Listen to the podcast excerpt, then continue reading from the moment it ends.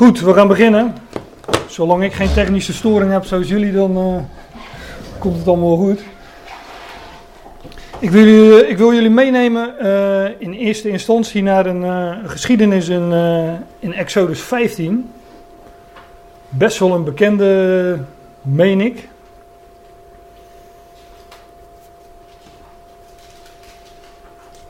Echt zo'n echt zo'n zondagschoolverhaal. Tenminste, daar ken ik hem van. Of van, nou, in ieder geval vanuit de kinderbijbel of uh, van welke school dan ook. Want ik zat op een, uh, een goede school, een school met Den Bijbel. Dus uh, daar hebben wij heel wat verhalen gehoord. Nee, ik kan me nooit zo goed herinneren waar ik al die verhalen heb gehoord en, en van wie. Maar ja, kinderbijbel.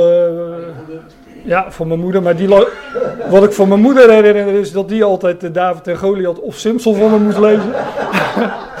dus uh, qua herinnering ben ik daar niet echt verder in gekomen. Maar dat kan zijn omdat ik de rest uh, kwijt ben. Um, van die zondagschool weet ik ook niet meer zoveel van. Maar wij hadden een, een basisschool, de eerste CMBS. Daar stond op de gevel school met den Bijbel. Nou, dan, uh, dat is al een binnenkomer als je daar naar binnen stapt natuurlijk. Ja. Ja.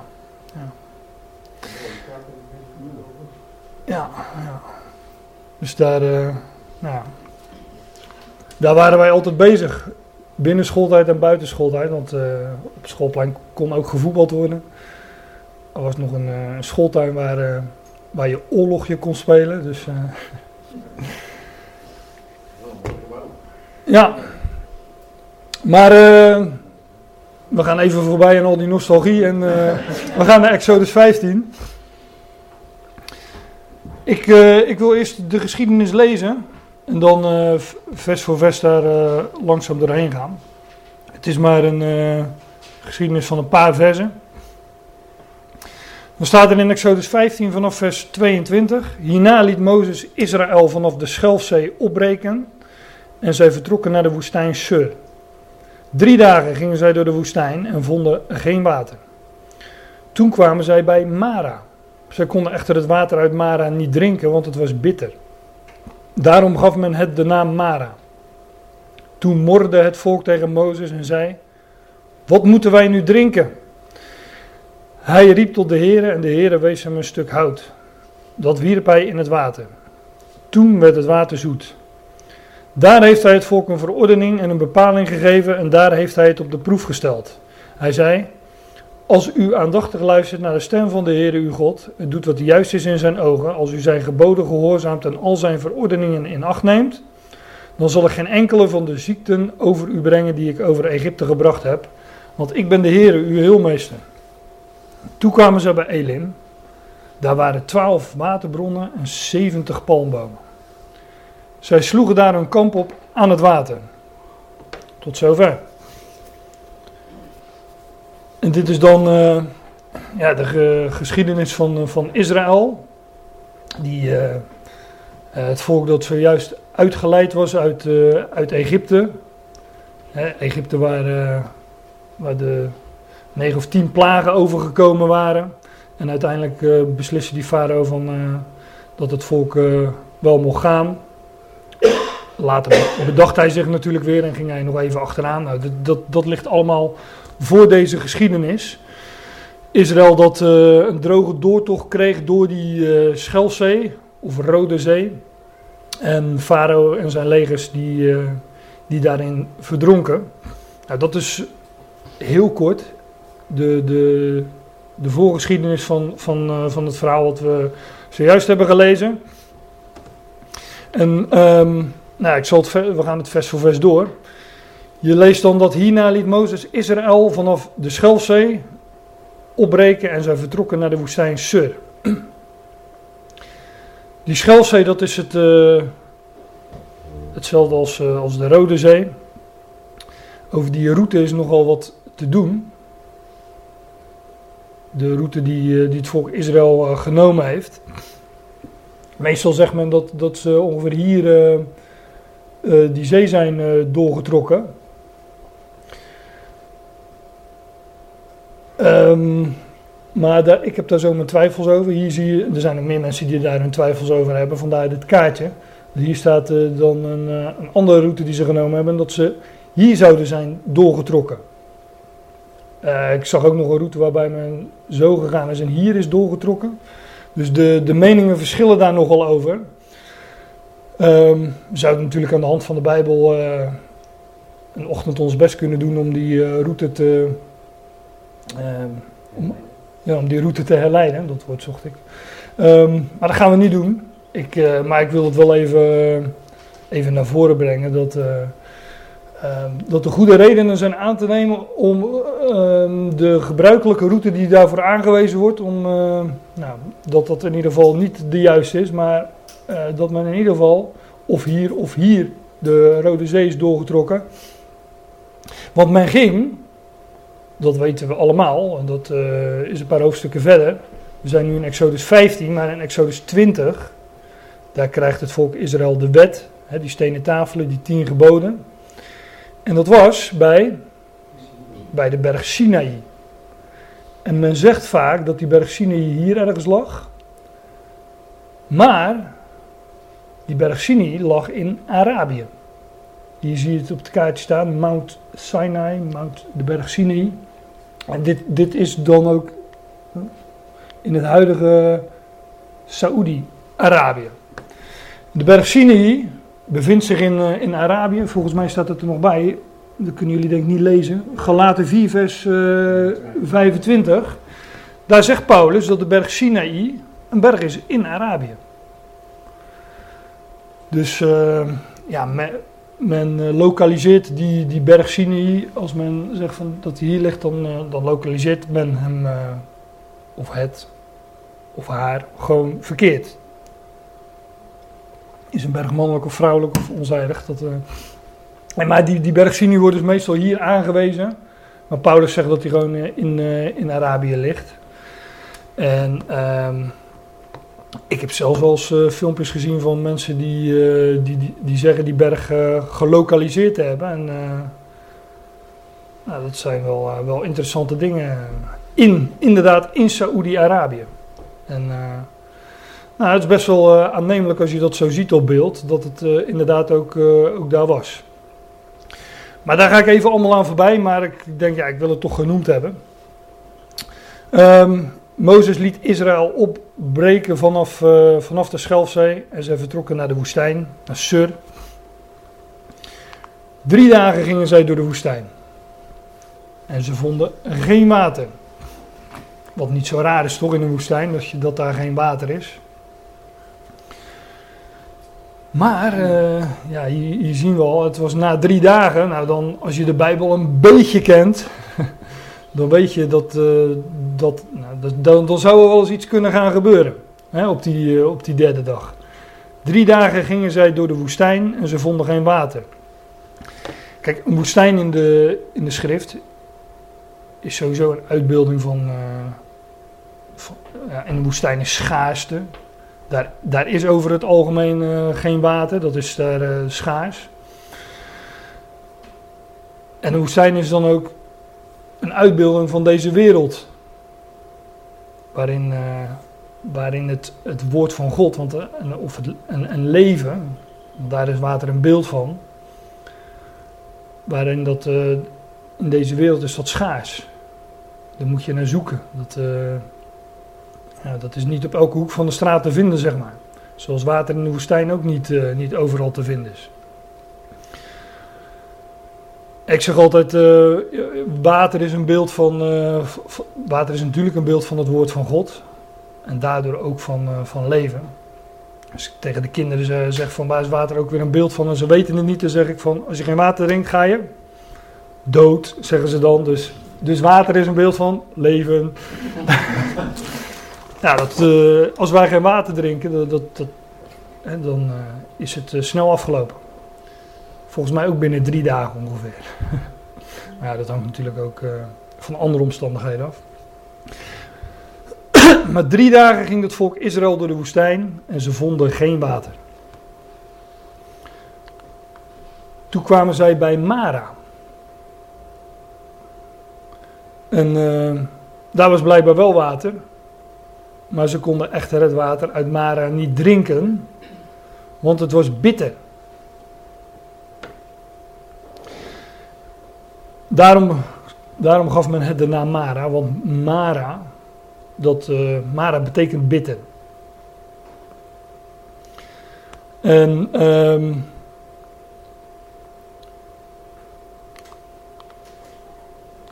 Mara betekent bitter en bitter in de Bijbel, dat heeft van alles te maken met, uh, met verderf, met dood. Um, nou, enzovoort. Ik heb, ik, heb, ik heb gewoon een concordantie gepakt. En ik heb dat woord eens opgezocht en zo gekeken waar dat allemaal voorkomt en waar dat woord bitter mee in verband wordt gebracht. Zij konden het water uh, niet drinken, want het was bitter. Nou, eerder in Exodus, in Exodus 1, daar is het volk Israël dus nog in Egypte, in slavernij een harde slavernij. Daar staat in Exodus 1, vers 14: Zij maakten het leven bitter voor hen. Door hen zwaar werk te laten verrichten met leem en bakstenen. En door allerlei werk op het veld. Al hun werk waarmee zij hen moesten dienen met harde hand. Hier gaat het dus over het volk Israël dat in slavernij is. Um, dat zwaar werk moest doen. Hè, en uh, uh, dat, dat, dat, dat, die slavenarbeid werd later nog eens uh, verzwaard. Er kwam, steeds, uh, er kwam steeds zwaarder werk bovenop. Ook nog eens toen Mozes zich ermee ging bemoeien. Toen zei, de, toen, zei, toen zei de vader van ik zal het nog zwaarder maken. Nou, zij maakte het leven bitter voor hen door hen zwaar werk te laten verrichten met leem en bakstenen. Maar dat hele bakken van stenen in de Bijbel, is een uitbeelding inderdaad van slavenarbeid, maar van ook het leven onder de wet. Het zelf moeten werken om te denken, zelf werken om te denken dat je daarmee iets opbouwt. En dat is altijd te weinig en zal altijd zwaarder blijken dan je kunt dragen. Dat wordt verzwaard en, en dat verbittert. Want je kunt het niet. Je als, je, um, als, je, als je leeft onder die wet, dan zal blijken dat het leven bitter is. Want je komt tekort. Je zal telkens op jezelf uh, worden gewezen dat je er niet aan kunt voldoen. En dat verbittert. En als je ook nog eens ziet dat die anderen om je heen er ook niet aan kunnen voldoen, dan, dan verbittert dat je ook naar anderen toe. En, en dat leven onder de wet, ja, dat wordt voor, voorgesteld als, als bitter, een bitter leven. Overigens, dat, uh, daar kom ik zo nog wel op, maar is dat, dat, dat water in Mara. Het is geen kwestie dat het vies smaakte of zo, maar het was echt bitter. Dus als je ervan dronk, dan ging je ook dood. Want ja, uh, als je drie dagen de woestijn gezworven heeft en je je sterft bijna van de dorst, om het, uh, om het zo te zeggen, dan, uh, nou ja, dat, als een smaakje in het water zit, dat, uh, dat overleef je ook nogal. Maar dit water was bitter. Dat betekent dat je, dat, dat kon je niet drinken, want het staat er ook, ze konden het niet drinken, want je ga, daar ga je dood aan. Dit water was bitter. Nou, zij maakt het leven bitter als uitbeelding van het werken, het werken onder de wet. Dat verbittert. Deuteronomium 32, zijn natuurlijk niet de gezelligste passages die, uh, die dan zo voorbij komen als het over bitter gaat. Uitgeteerd door honger, verteerd door pest en bitter verderf zullen zij zijn. De zin gaat verder, maar het, het, gaat me ook niet, het gaat me nu even niet om het verband, om het complete verband, maar wel even te laten zien in wat voor verband dat, dat bitter voorkomt. En hier wordt het uh, in verband gebracht met verderf. Ik zei al, dat water kon je niet drinken, dus als je dronk ging je de dood van. Nou, dat heeft ook alles met verderf te maken natuurlijk. Bitter verderf. Ja, dus dan het Nieuw Testament, Jacobus. Dan zegt Jacobus, uit dezelfde mond komen zegen en vervloeking voort. Dit behoort niet zo te zijn, mijn broeders. Laat, som, laat soms een bron uit dezelfde ader, uit dezelfde bron, zoet en bitter water opwellen. Dus hier staat zegen en vervloeking, wordt uitgebeeld door een, een, een bron die zoet of bitter water voortbrengt. Dus zegen is het zoete en vervloeking is bitter.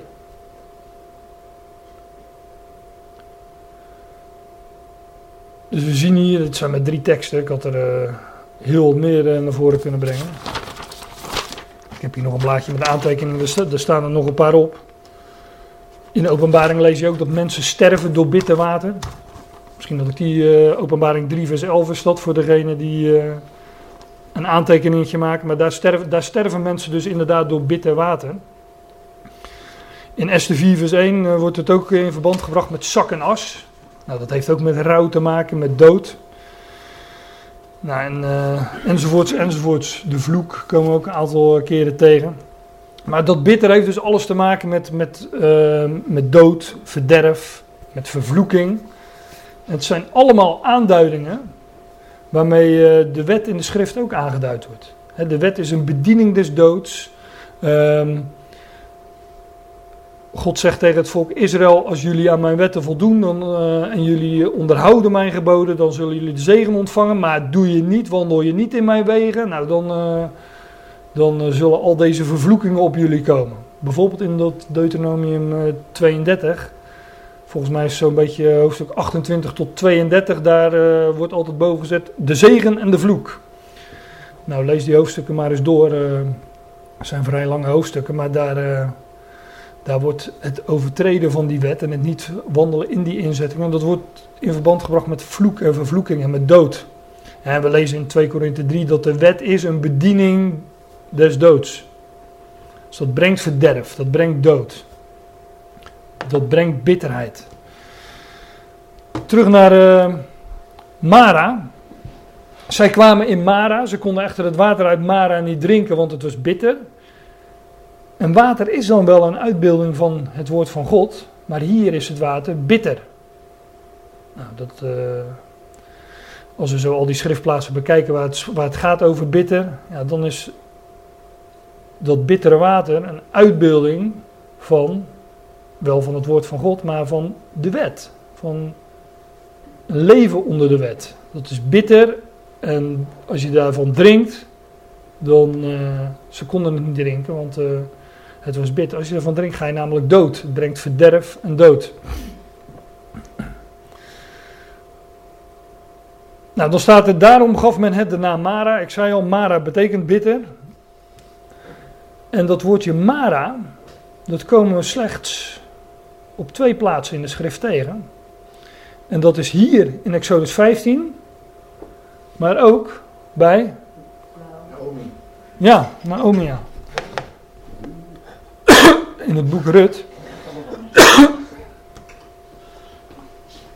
in het boek Rut. Um,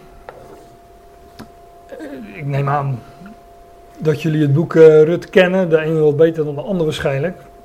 Maar daar, daar, het begin van het boek Rut vangt aan met uh, een man en een vrouw. Elie Melech en Naomi. Die vanwege uh, hongersnood het land Juda, Bethlehem, Juda staat er. Het land Bethlehem, Juda verlaten. Zij trekken naar het buitenland met hun twee zonen. En in het buitenland sterft Elimelech, daar sterft de man. Die twee zonen van Naomi en, uh, en Elimelech, die trouwen met buitenlandse vrouwen. En de ene heet Orpa en de andere heet Rut, want daar is het boekje Rut naar vernoemd. En daarna sterven ook alle twee die zonen.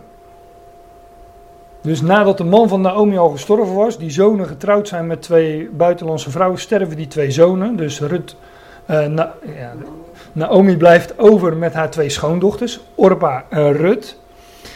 En zij horen daar in het buitenland dat God zijn volk bezocht heeft en er weer brood is. Dus zij, uh, Naomi wil dan teruggaan met, naar, naar het land.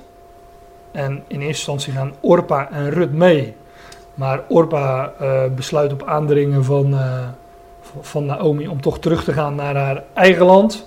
En Rut gaat met Naomi mee naar dat land Juda. Want zij zegt die bekende woorden: uh, uw, uw volk is mijn volk en uw God is mijn God. En nog, nog iets ervoor zelfs. Maar dat ontschiet me even. Maar zij zegt van, ik, ik zal u niet verlaten, ik ga met u mee.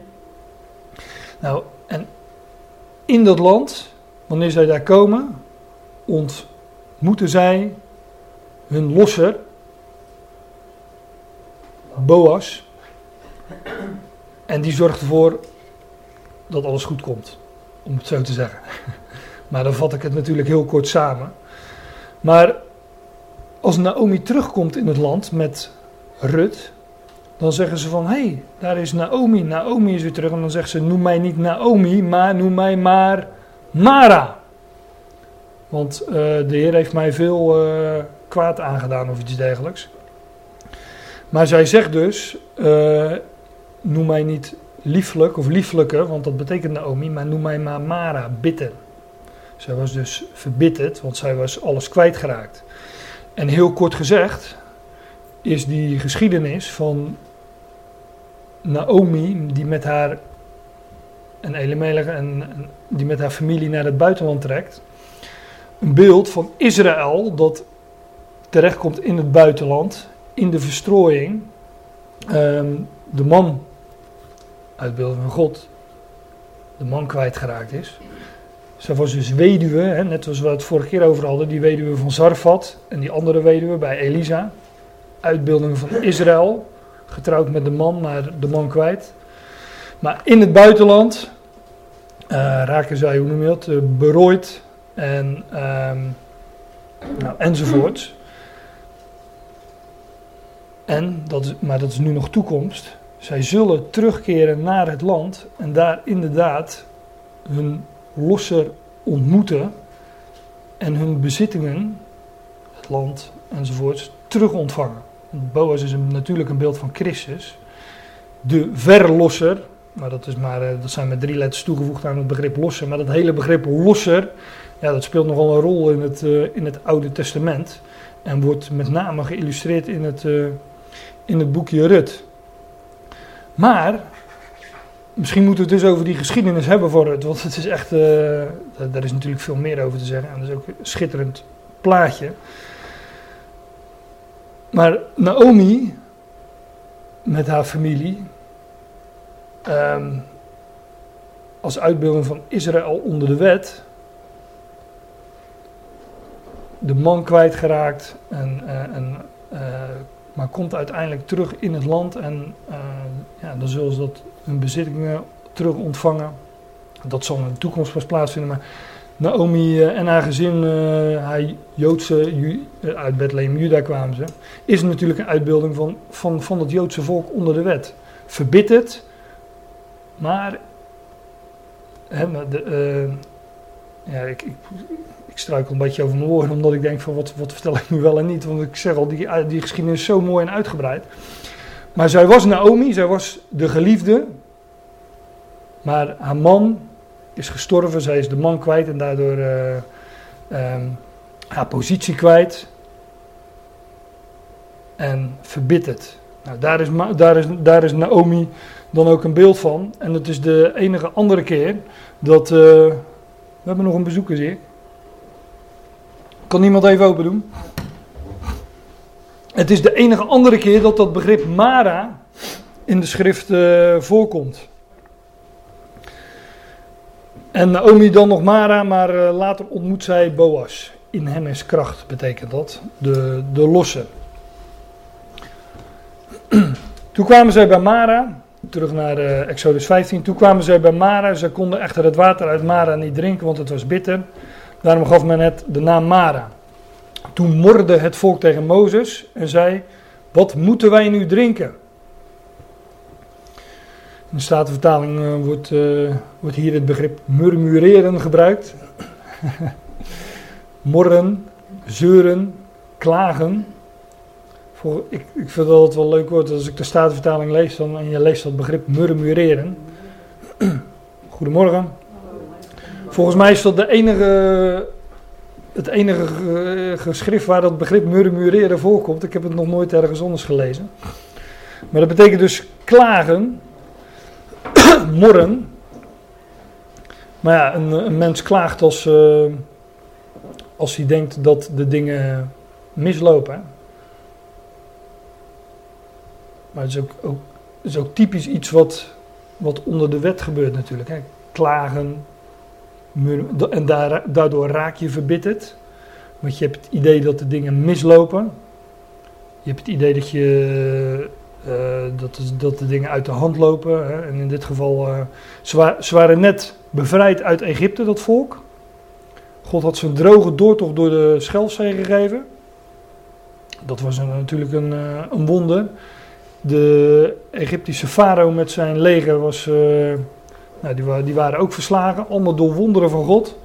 En ze liepen door de woestijn en ze konden geen water uh, krijgen en toen begonnen ze te morren. Ze hadden net, uh, ze hadden net van alles meegemaakt waardoor ze, nou toch wel, waardoor God bewezen had voor hen te zorgen. Maar nu hadden ze even geen water en ze begonnen te morren, te klagen. Toen morde het volk tegen Mozes en zei: Wat moeten wij nu drinken? Hij riep tot Yahweh, Mozes dus, en Yahweh wees hem een stuk hout. Dat wierp hij in het water, in dat bittere water dus. En ik zei net dat dat, dat bittere water is een uitbeelding van, uh, van de wet, het leven onder de wet. Een bediening is doods. Maar toen het hout erin werd gegooid, toen werd het water zoet.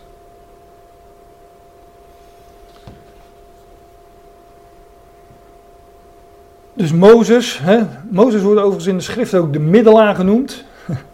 Dus als je het goed bekijkt, wordt hier door de hand van de middelaar, die iets in dat water brengt, in dat bittere water, wordt het water zoet. Hout. Hm? Hout. Ja, door een hout. Dus we zagen zojuist al dat, uh, uh, dat, dat, dat zoet een beeld is van zegen, hè, tenminste volgens Jacobus. Dat is maar twee, een paar dia's terug. Zegen en vervloeking, zoet en bitter. Dus hier wordt het, hier wordt het uh, zoete wa uh, bittere water wordt zoet. Dus de, de vervloeking wordt, uh, wordt, een, wordt een zegen. Nou, dat is wel.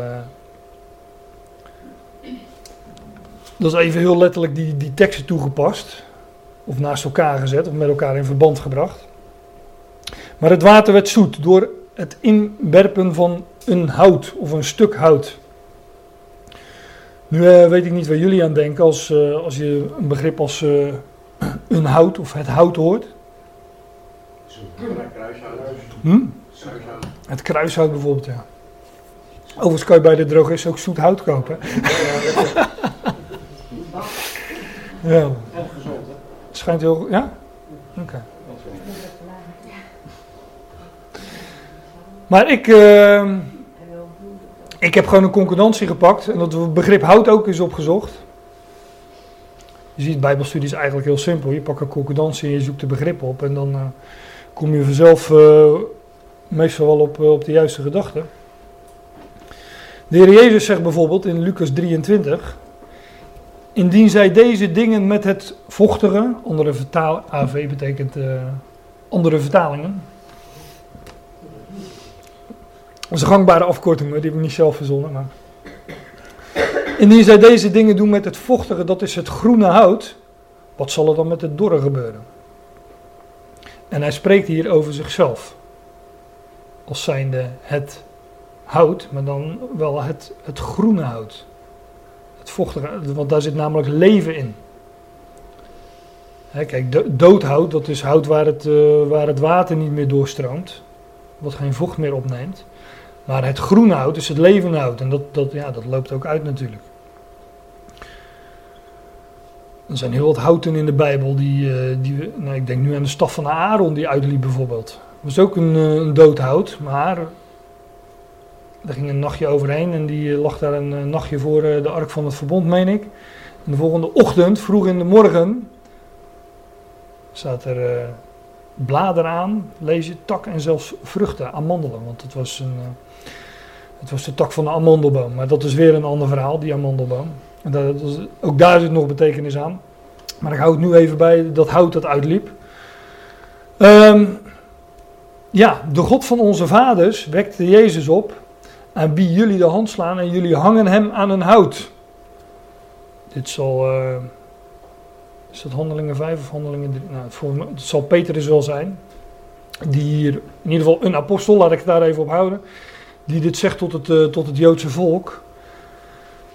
Hij zegt, jullie hebben hem aan een hout gehangen. Een hout. Hier wordt het kruis gewoon een hout genoemd. Jullie hangen hem aan een hout. En als zij alle dingen, handelingen 13, als zij alle dingen tot een einde brengen die over hem geschreven zijn, halen zij hem van het hout af. En zij legden hem in een graf. Maar God wekt hem op uit de doden. Kijk, het aandeel van God naast het aandeel van de mens. Dat is ook iets wat je telkens weer terugvindt in handelingen overigens. Jullie hebben hem aan een hout geslagen, jullie hebben hem gedood. God heeft hem opgewekt. Maar het hout, um, ja, als je het heel letterlijk neemt, is dat. Uh, kun je makkelijk in verband met, met het kruis brengen. Dus Mozes die dat hout in het water gooide. En waardoor het bittere water zoet werd. Ja, sowieso een uitbeelding van, uh, van dit hout, van het kruis. Nou, ik zou heel lang door kunnen gaan. Ik heb, uh, ik heb een paar plaatjes waar we nog meer uh, hout tegenkomen in de schrift. Isaac. Die hier het hout draagt. Zoals ooit het zaad van het, dat andere zaad van Abraham met hoofdletters ook dat hout droeg. Richting Golgotha. Maar hier is het Isaac die het hout draagt. Staat er ook echt zo. En die uh, op het altaar terecht kwam en daar uh, geofferd zou worden door Abraham. Hij stierf daar weliswaar niet letterlijk, maar de Hebreeënbrief zegt dat Abraham hem bij wijze van spreken uit de dood heeft teruggekregen. Want Abraham was ook bereid dat te doen, want hij geloofde in de opstanding. Dat staat er allemaal bij daar in uh, Hebreeën. Dus dat hout is ook een beeld van, uh, van Christus, van zijn dood en opstanding. Het zaad van Abraham, Isaac. In het plaatje Isaac, maar in het grote plaatje de Heer Jezus Christus. Ja, we hadden het vorige keer over Elia en Elisa, dus ik... Uh, dit is Elia bij, uh, op de berg Karmel hè, met de Baalpriesters. Ook een mooi verhaal. Maar hier uh, wordt het water, de stenen, dit, dit, zijn geen gebakken stenen, dit zijn natuurstenen, want daar werden altaren van gemaakt.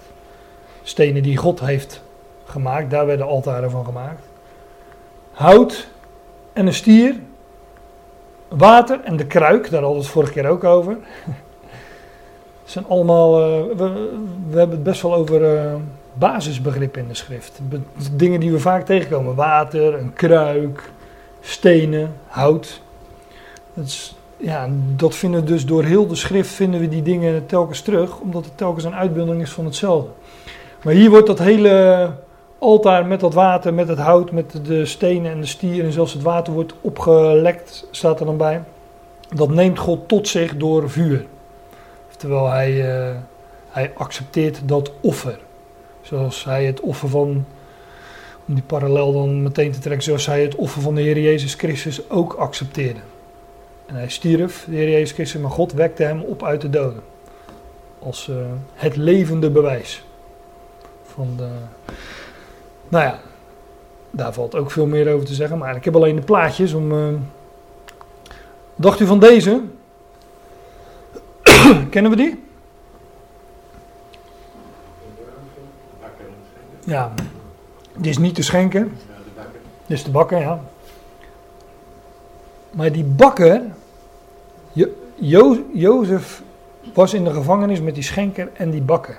En die hadden allebei een droom gehad. En Jozef legde die dromen aan hen uit. En er staat er dat op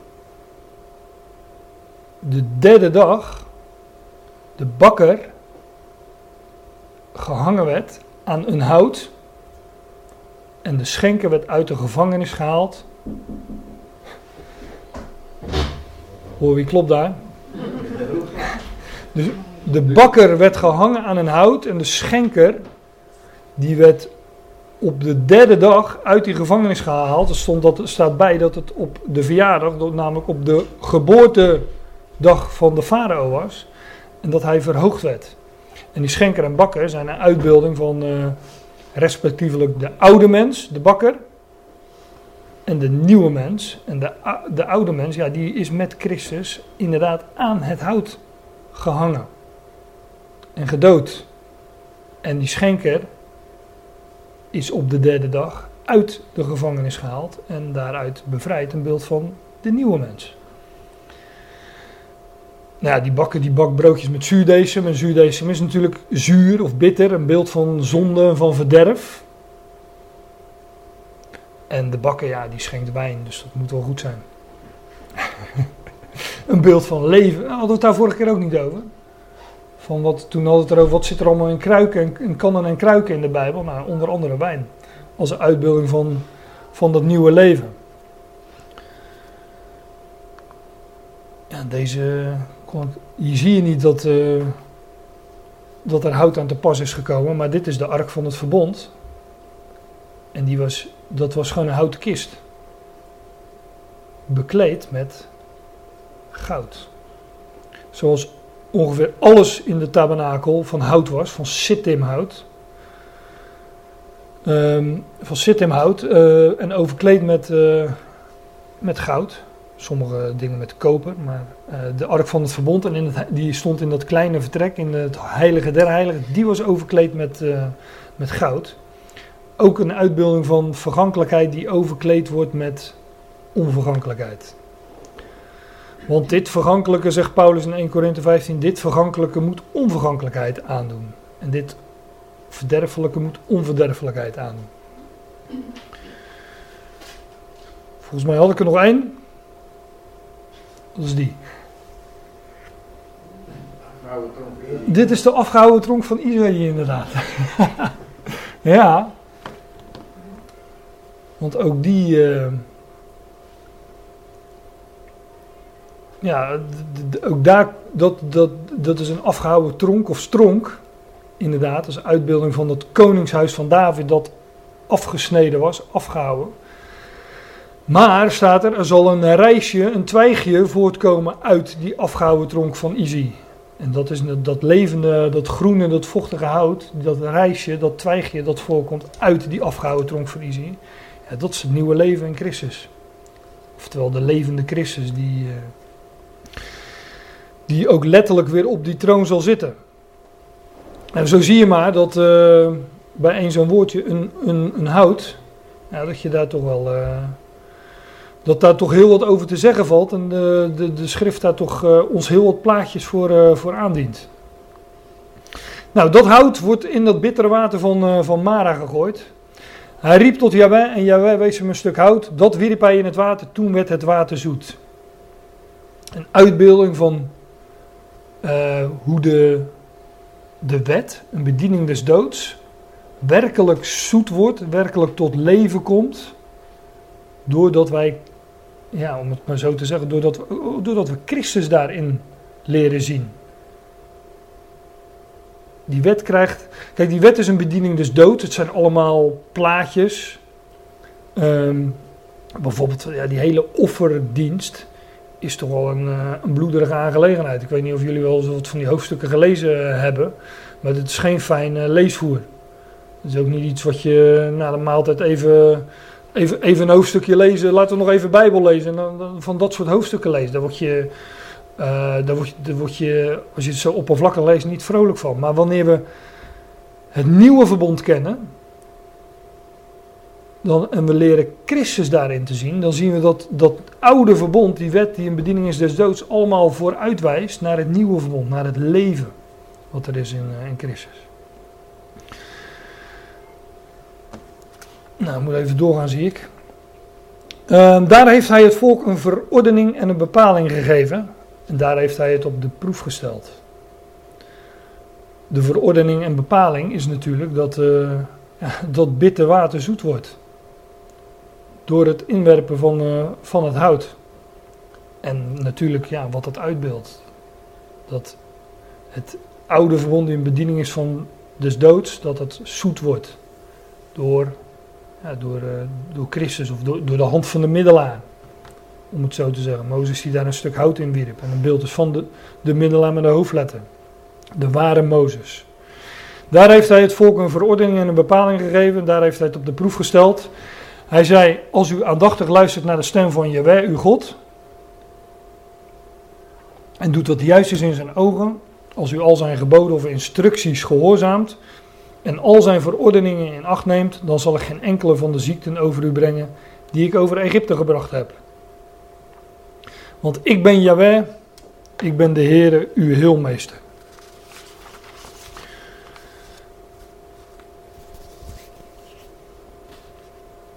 Ja, nou laat, laat ik er dit over zeggen.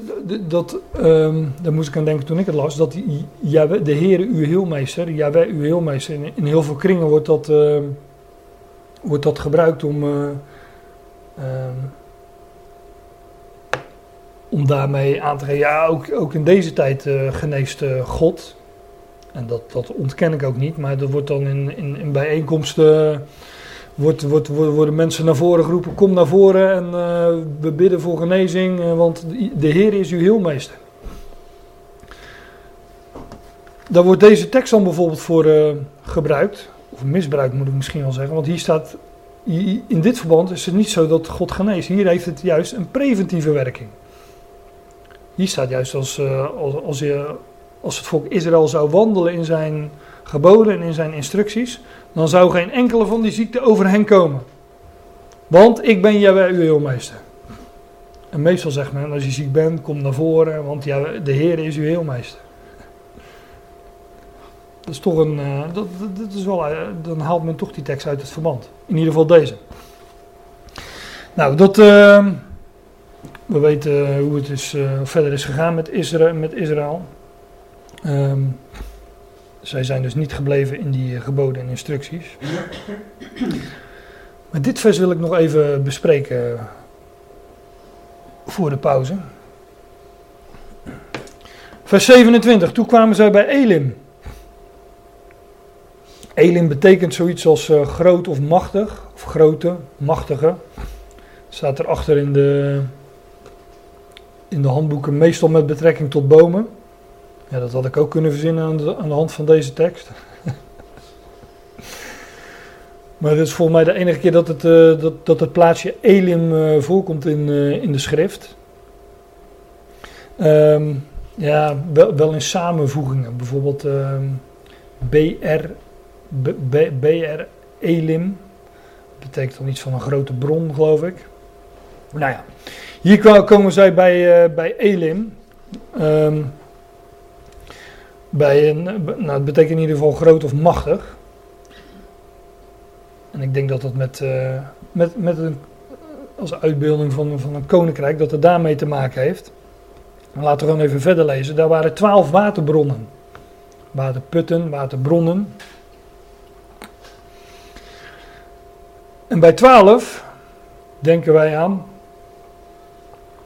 denken we altijd aan, uh, aan Israël al vroeg in de schrift komen we daar, uh, we zitten hier aan het begin van de schrift, maar nog eerder komen natuurlijk die twaalf zonen van Jacob tegen.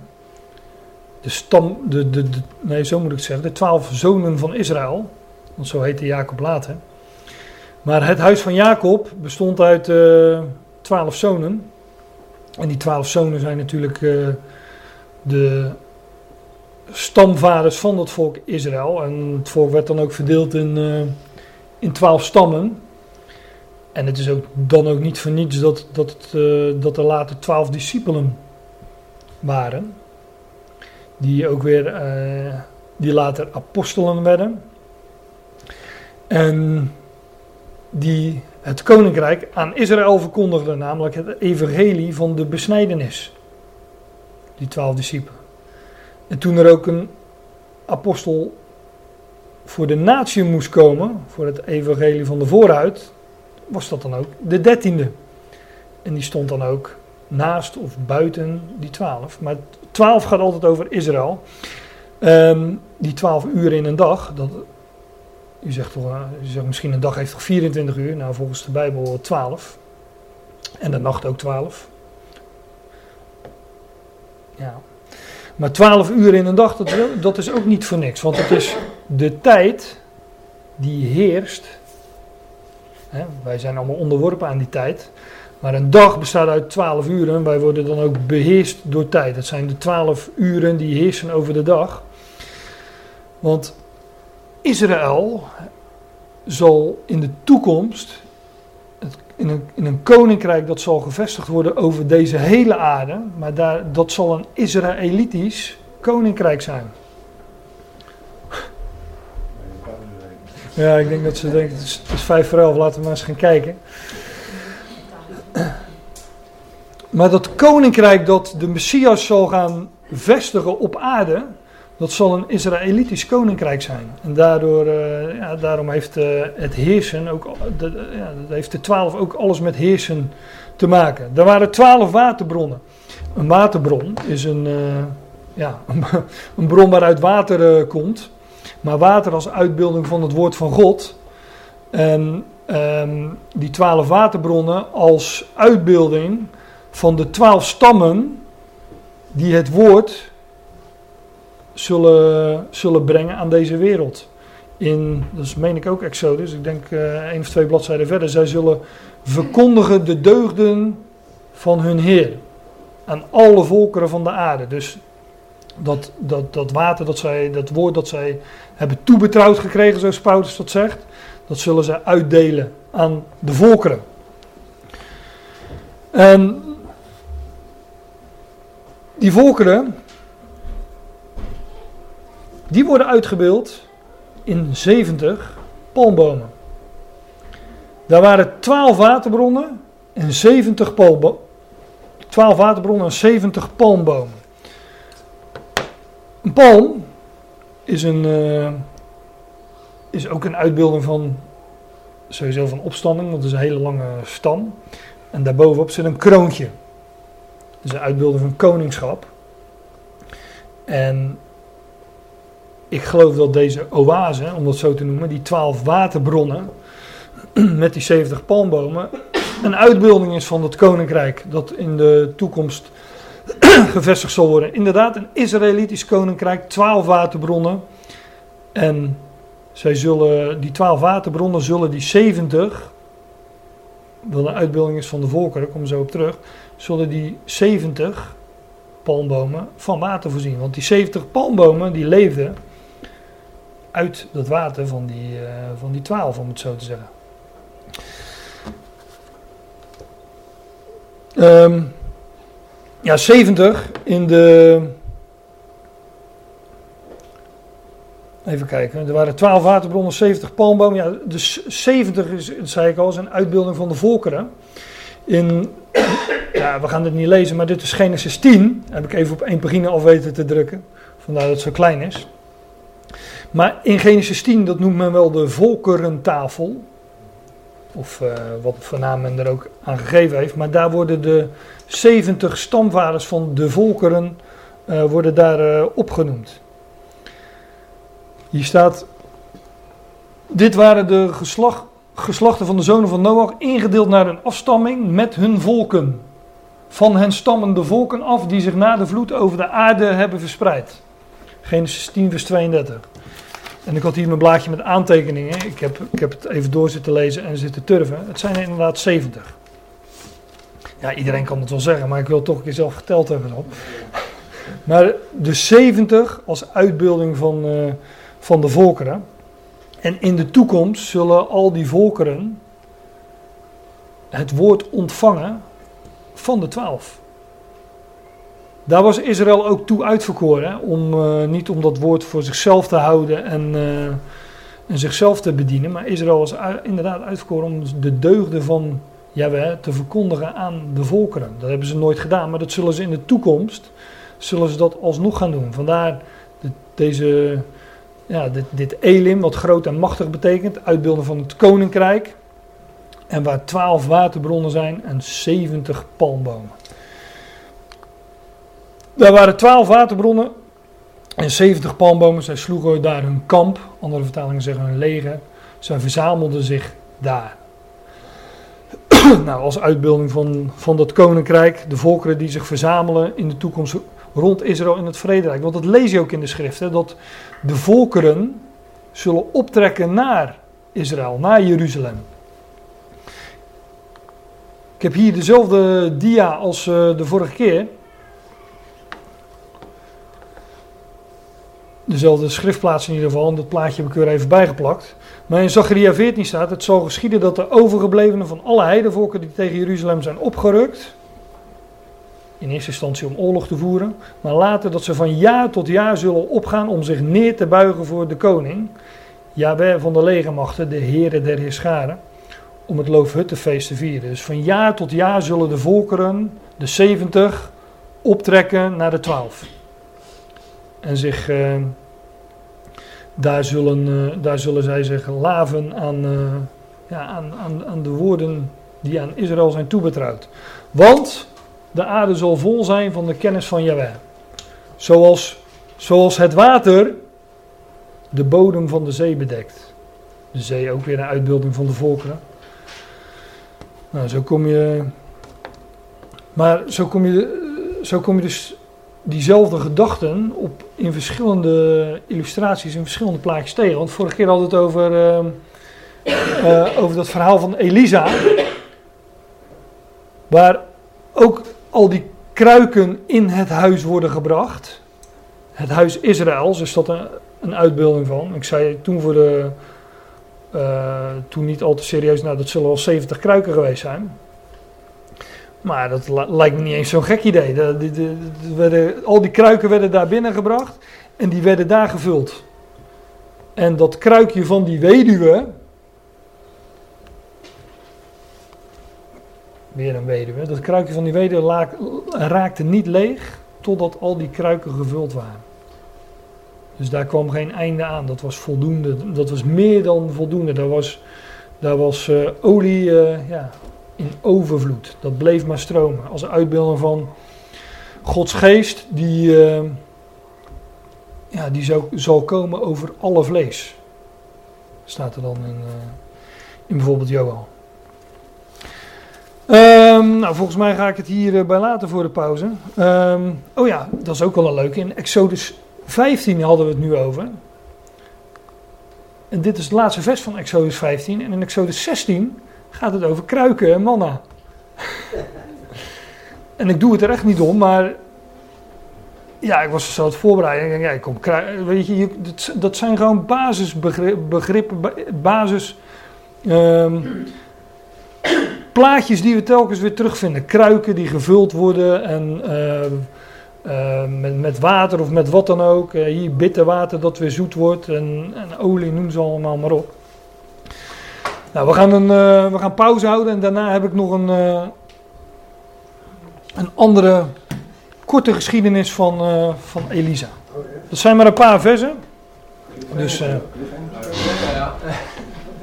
maar daarover hebben we het na de koffie. Ja, we gaan van Mara en Elim naar Jericho. Um, ik kreeg nog mooie aanvullingen in de pauze. 12 uur in een dag, ik had enzovoort gezegd. Ik had dat bijvoorbeeld ook kunnen zeggen de 12 maanden in het jaar. Ja. dat is ook niet voor niks. Um, wat wilde ik nog meer? Oh ja, die, die uh, klik even door. Die 70, ook de Bijbel, de schrift, bestaat uit 70 boeken. Dat schoot me zojuist ook nog even te binnen. Um, als je dat in de handboeken opzoekt, dan uh, zegt men 66. Maar de psalmen bestaan uit uh, vijf boeken. Dus dat betekent dat er, uh, dat er vier bovenop die telling van 66 moet komen. En je weet eigenlijk al als je 66 zegt, dan hoor je dat, dat gesis al, dus dat kan al niet goed zijn natuurlijk. 66. Dat is 666, hè, dat is het getal van het beest. Nou ja. Maar 70 is het getal van, uh, van, van volheid ook. Dus de, de Bijbel die kent ook, ook 70 boeken. En heel de schrift is ook voor, ja, het komt weliswaar uit, uit de 12, maar het is voor, voor alle volkeren. Voor heel de wereld. Ehm, ja, we gaan van Mara en Elim naar Jericho, zei ik. In 2 Koningen 2. Nou, ik heb alleen nu niet uh, even het hele gedeelte in één keer afgedrukt om het uh, door te lezen. Dus dat gaan we ook maar niet doen. Neem nu gewoon even vers voor vers door. Maar als ik het goed heb, dan zijn het ook maar drie of vier vers of zo. Dus. De mannen van de stad. ja, ik val hier midden in het verhaal van, van Elisa.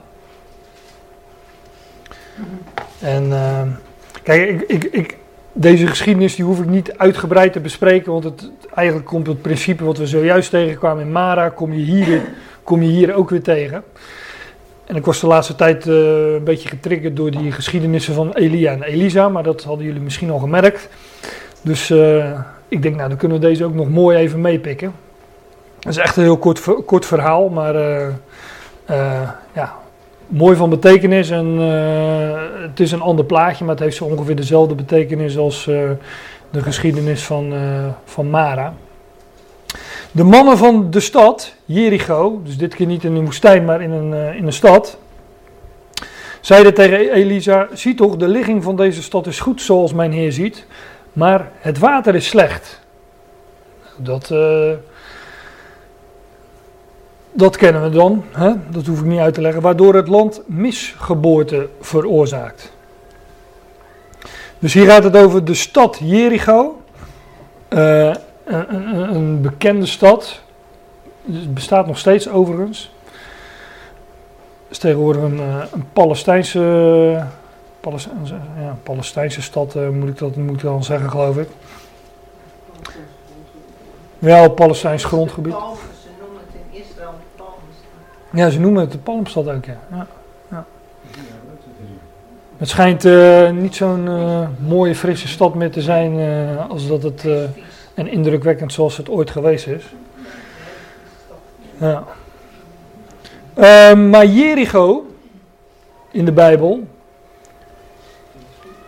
Jericho, dit is, dit is Wikipedia. Jericho ligt op een hoogte noem het maar hoogte. Maar ja, ik, uh, ik volg dan Wikipedia even. Een hoogte van min 260 meter. Dat betekent dat de stad Jericho 260 meter onder de zeeniveau ligt. Dus dat ligt heel laag. En ik, ik, heb, ik heb het niet naar. Zo. Er is uh, vreugde in de bovenzaal. in de opperzaal. Um, ik, ik, heb het niet nagezocht, maar men zegt dat het de laagst gelegen stad op aarde is. Of in ieder geval, uh, een, het is één, laat ik het zo zeggen, dan uh, zit ik veilig. Het is een van de laagst gelegen steden op aarde uh, in, in, dat gebied rond, ja, rond die Dode Zee. Dat, daar ligt het, ligt het de, ligging daarvan is ver beneden zeeniveau. Nou, de stad Jericho is, is dus diep gezonken, zou je kunnen zeggen. Maar net als de woestijn een uitbeelding is van deze wereld, is, uh, is de stad Jericho dat ook. Laag gelegen. En uh, ja, daarmee een uitbeelding van deze wereld. Nou, er gebeurt nogal wat in, uh, in Jericho. Um, maar daar, daar hebben we, het we hebben het wel eens over gehad. Over, bijvoorbeeld over Rahab, die hoer. Die, dat, de hele stad Jericho viel om, maar dat ene gedeelte waarvan je, dat wij waarschijnlijk als eerste om zouden gooien, dat bleef juist staan. Het plaatselijke bordeel. Maar in Jericho gebeurt nog wat. Ook de Jezus komt uh, wel eens door Jericho. Ontmoet daar blinden. Nou ja, enzovoorts. Maar ook daarvan uh, is het gewoon een kwestie van een concordantie pakken. En is opzoeken waar dat zo al nog, nog meer voorkomt. Overigens, um, even tezijde, want het schiet me nu te binnen. We zijn vorige keer begonnen in 1 Koningen 17 en toen zei ik, hier vangt de geschiedenis van Elia en Agab aan. Nou, daar wordt inderdaad Elia geïntroduceerd, maar Leon verbeterde me toen al. Van um, Agab vind je al een hoofdstuk eerder in 1 Koningen 16. En die laatste versen van 1 Koningen 16, daar gaat het ook inderdaad over Jericho en de herbouw van, uh, van Jericho. Dus uh, dat speelt ook in de geschiedenissen van uh, Elia, de aanvang daarvan. Uh, speelt dat dus ook een belangrijke, een belangrijke rol. Een beeld van deze wereld, hè, een Agab die een uitbeelding was van hij die het volk tot afgoderij bracht. Een beeld, uitbeelding van Satan, van de tegenstander. Nou, hier gaat het over de mannen van die stad, Jericho, zeiden tegen Elisa, zie toch de ligging van deze stad is goed, zoals mijn heer ziet, maar het water is slecht, waardoor het land misgeboorte veroorzaakt. Ja, in sommige vertalingen staat dat het, uh, dat het land onvruchtbaar was. En daarbij denken wij natuurlijk van, uh, er groeit geen koren, maar, of, of, of tarwe of wat dan ook, of geen gras, weet je veel wat. Maar staat echt letterlijk dat het land inderdaad ja, onvruchtbaarheid veroorzaakt. Geen vrucht voortbrengt. Ja, inderdaad, maar ook nog eens, sterker nog, ook nog eens de dood voortbrengt. Want dat is het natuurlijk. En hoe dat dan precies zit, ja, dat, dat wordt verder niet uitgelegd. Maar in ieder geval, um, er is wel water, maar dat water is goed en het leidt tot de dood. Nou, dat is, dat is het is een ander plaatje, maar de betekenis is natuurlijk precies hetzelfde als, als Mara. Er is water, uitbeelding van het woord, maar dat water is niet goed.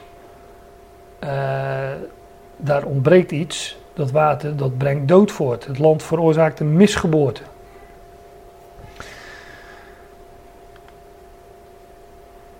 En hij, Elisa, zei: Breng mij een nieuwe schaal en doe er zout in. En ze brachten die bij hem. Je ziet, ik plaatjes voor alle leeftijden. We doen nu een stapje terug.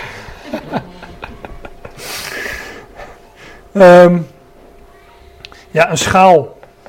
Eigenlijk is een schaal. Uh, uh, we, hadden, we, we, hebben het al over kruiken gehad, maar zoveel verschil zit er nou ook weer niet tussen een, een kruik en een schaal.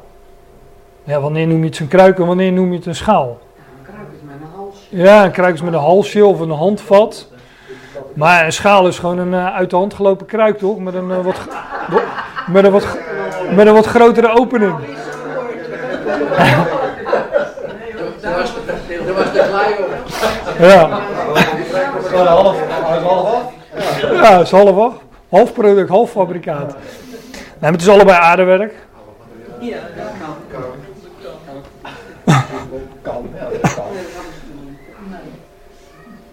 Maar in ieder geval, uh, ja, er staat ook niet, breng mij een schaal en doe eens uit, breng mij een nieuwe schaal. En als we net al zagen dat dat, dat, dat, dat, uh, dat Mara en slecht water een uitbeelding is van het oude verbond, en je leest dan over een nieuwe schaal, ja, dan uh, meen ik dat het een uitbeelding is van het nieuwe verbond.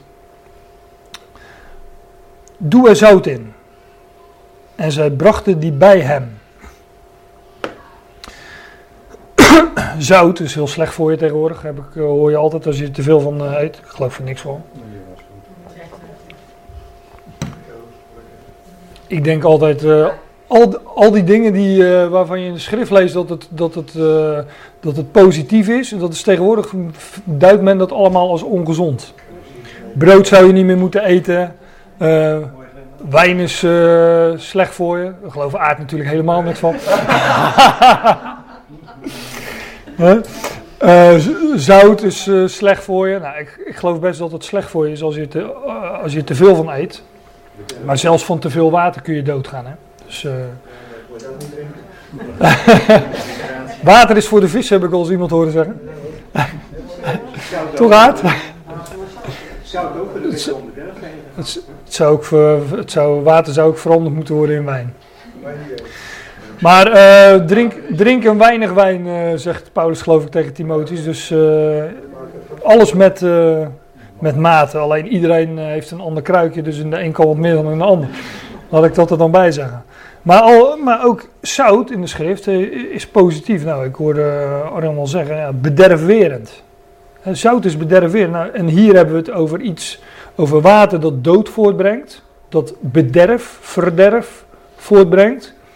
Nou, en hier moet een nieuwe schaal aangerukt worden met zout erin, want zout is bederverend. Um, en zout geeft smaak. Zout geeft smaak aan het leven.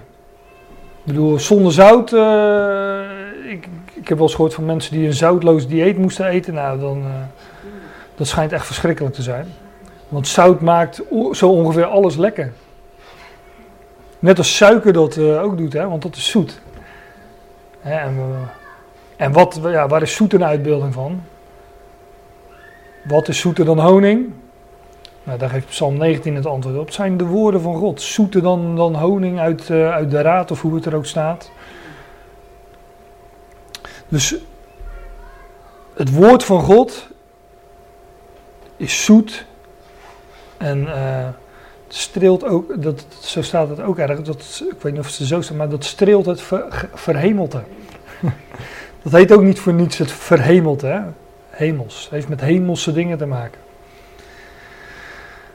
En um, in een, een profeet, of nee, vol, ja, je leest het volgens mij bij Ezekiel, en anders helpt iemand me wel.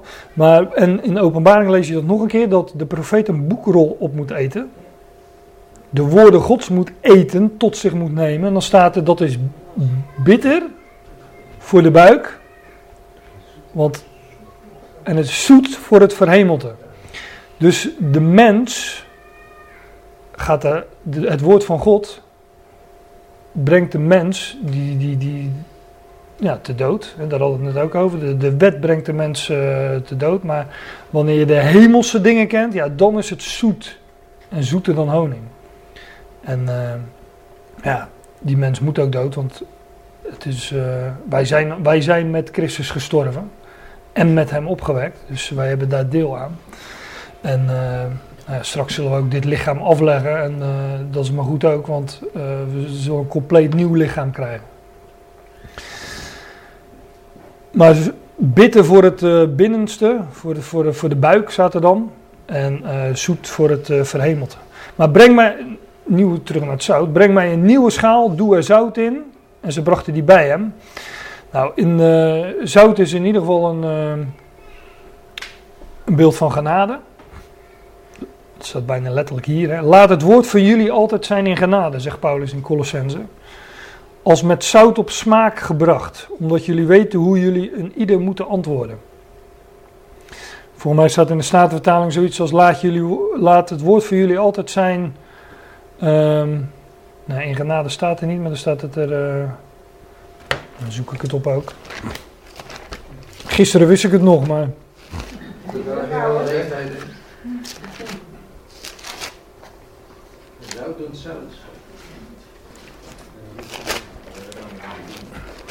Laat jullie woord altijd zijn met zout besprengd of zo staat er. Um, uw woord zij ten alle tijden in aangenaamheid. Maar hier staat het woordje charis. Ja, dat betekent wel ook gunst of aangenaamheid, maar ten diepste betekent dat genade. Laat het woord van jullie altijd zijn in genade. En dan staat in Statenvertaling met zout besprengd. letterlijk als met zout op smaak gebracht nog letterlijker toegerust. Zou je ook kunnen vertalen, toegerust met, met, uh, met zout. Laat het woord van jullie altijd zijn in genade, toegerust met zout. Dus het beeld is zout, maar wat het uitbeeld is, ja, genade. Het woord, laat dat woord van jullie zijn in genade. Laat dat woord van jullie doordrenkt zijn met, met genade, vervuld van genade. Want uh, ja, toege, toegerust als met, uh, met zout. Nou. Omdat jullie weten hoe jullie een ieder moeten antwoorden. Want wij zouden antwoorden met, zoals de Heer Jezus dat bijvoorbeeld deed, er staat geschreven. Laat het woord van jullie altijd zijn in genade, als met, met zout op smaak gebracht. Dus zout is een uitbeelding van genade.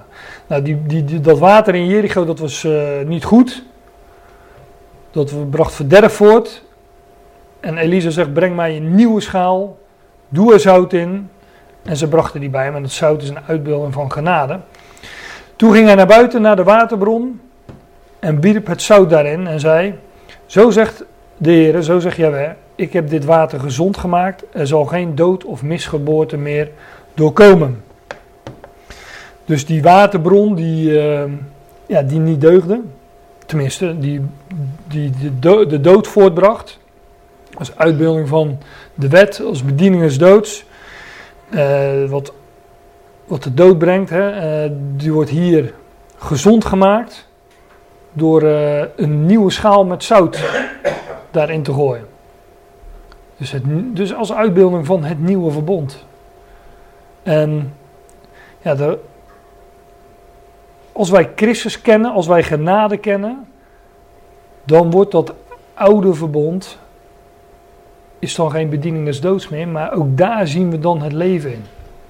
Zoals ik zei, al die, die offers die je in het Oude Testament ziet, de, de, eh, al die bloederige, ja, zo aan de oppervlakte, die bloederige verhalen, die spreken van het offer van Christus. En die, als, je, als je genade kent, als je Christus kent, dan komt die bron van dat oude verbond, van die schriften die in eerste instantie bitter zijn, die komen echt tot leven en dat wordt zoet.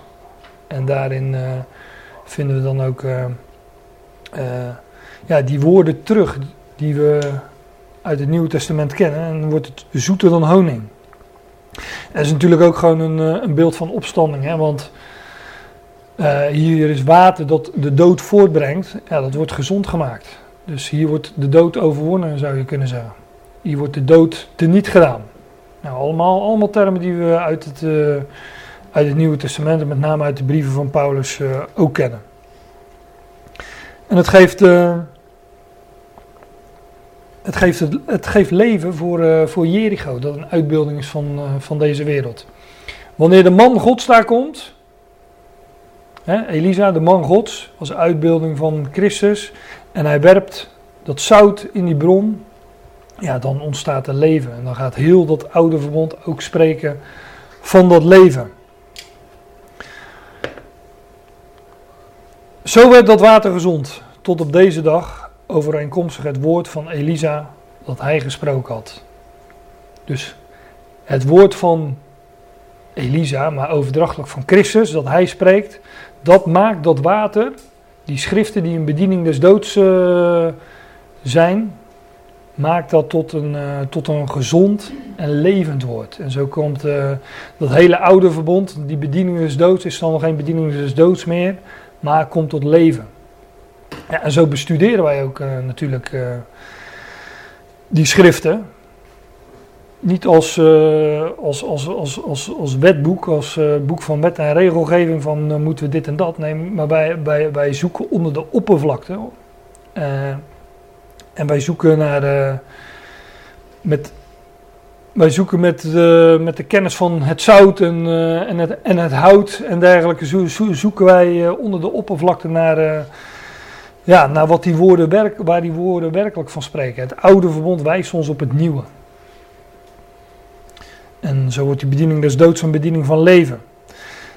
Nou, een eh, laatste vers waar ik dan eh, mee af wil sluiten is een gelijkenis.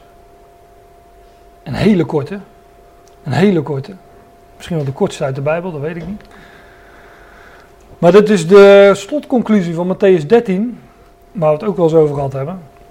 Daar staat, en hij, Jezus, zei tegen hem, de Heer vroeg eerst, hebben jullie begrepen wat ik gezegd heb? Hebben jullie deze gelijkenissen, deze voorgaande zeven gelijkenissen begrepen?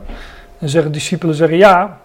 En dan zegt hij, en hij zei tegen hem, daarom lijkt iedere schriftgeleerde, die leerling gemaakt wordt van het koninkrijk van de hemelen, die discipel gemaakt wordt in het koninkrijk van de hemelen, op een mens, een huiseigenaar, die uit zijn schat nieuwe en oude dingen tevoorschijn haalt. Dus hier gaat het over een schriftgeleerde. En die schriftgeleerde die heeft een schat. Nou, wat, wat, wat, wat is de schat van de schriftgeleerde? Dat is de schrift. Maar de Heer Jezus spreekt het uit in Matthäus 13, dus hij moet het hier wel over het Oude Testament hebben gehad, over de Tenach. Maar een schriftgeleerde haalt die in dat koninkrijk is onderwezen. En we hebben het toen over die gelijkenissen gehad, maar de gelijkenissen spreken over de verborgenheden van het koninkrijk. Een schriftgeleerde die in die verborgenheden is onderwezen, die lijkt op een mens, een huiseigenaar, die uit zijn schat nieuwe en oude dingen voortbrengt. Maar dat is wat we doen. Wij hebben dat Oude Testament, wij hebben die tenag. Wij zijn, of wij worden, hoe je het ook wil zeggen, wij worden onderwezen in het koninkrijk, het koninkrijk van de zoon van zijn liefde, of uh, uh, de verborgenheden van het koninkrijk, of de verborgenheden, de geheimenis, hoe je het ook wilt noemen. Wij worden daarin onderwezen. En wanneer wij daarin onderwezen worden, dan weten wij uit die schat, namelijk het Oude Testament, de Tenach, nieuwe dingen te halen naast die oude dingen. Die oude dingen blijven ook staan, die bestaan ook. Maar wij weten daar onder de oppervlakte, met de nieuwe kennis, met de nieuwe schaal, weten we ook die nieuwe dingen eruit te halen. Dat is ook wel mooi, want de nieuwe dingen staat nog vooraan ook. Is dan blijkbaar het belangrijkste. Uit die tenag halen wij onderwezen in het Koninkrijk der Hemel nieuwe en oude dingen. En dan wordt bitter water zoet, dan wordt slecht water goed, nou, enzovoorts. Enzovoorts. Nou, ik wil het hier maar uh, bij laten voor deze ochtend.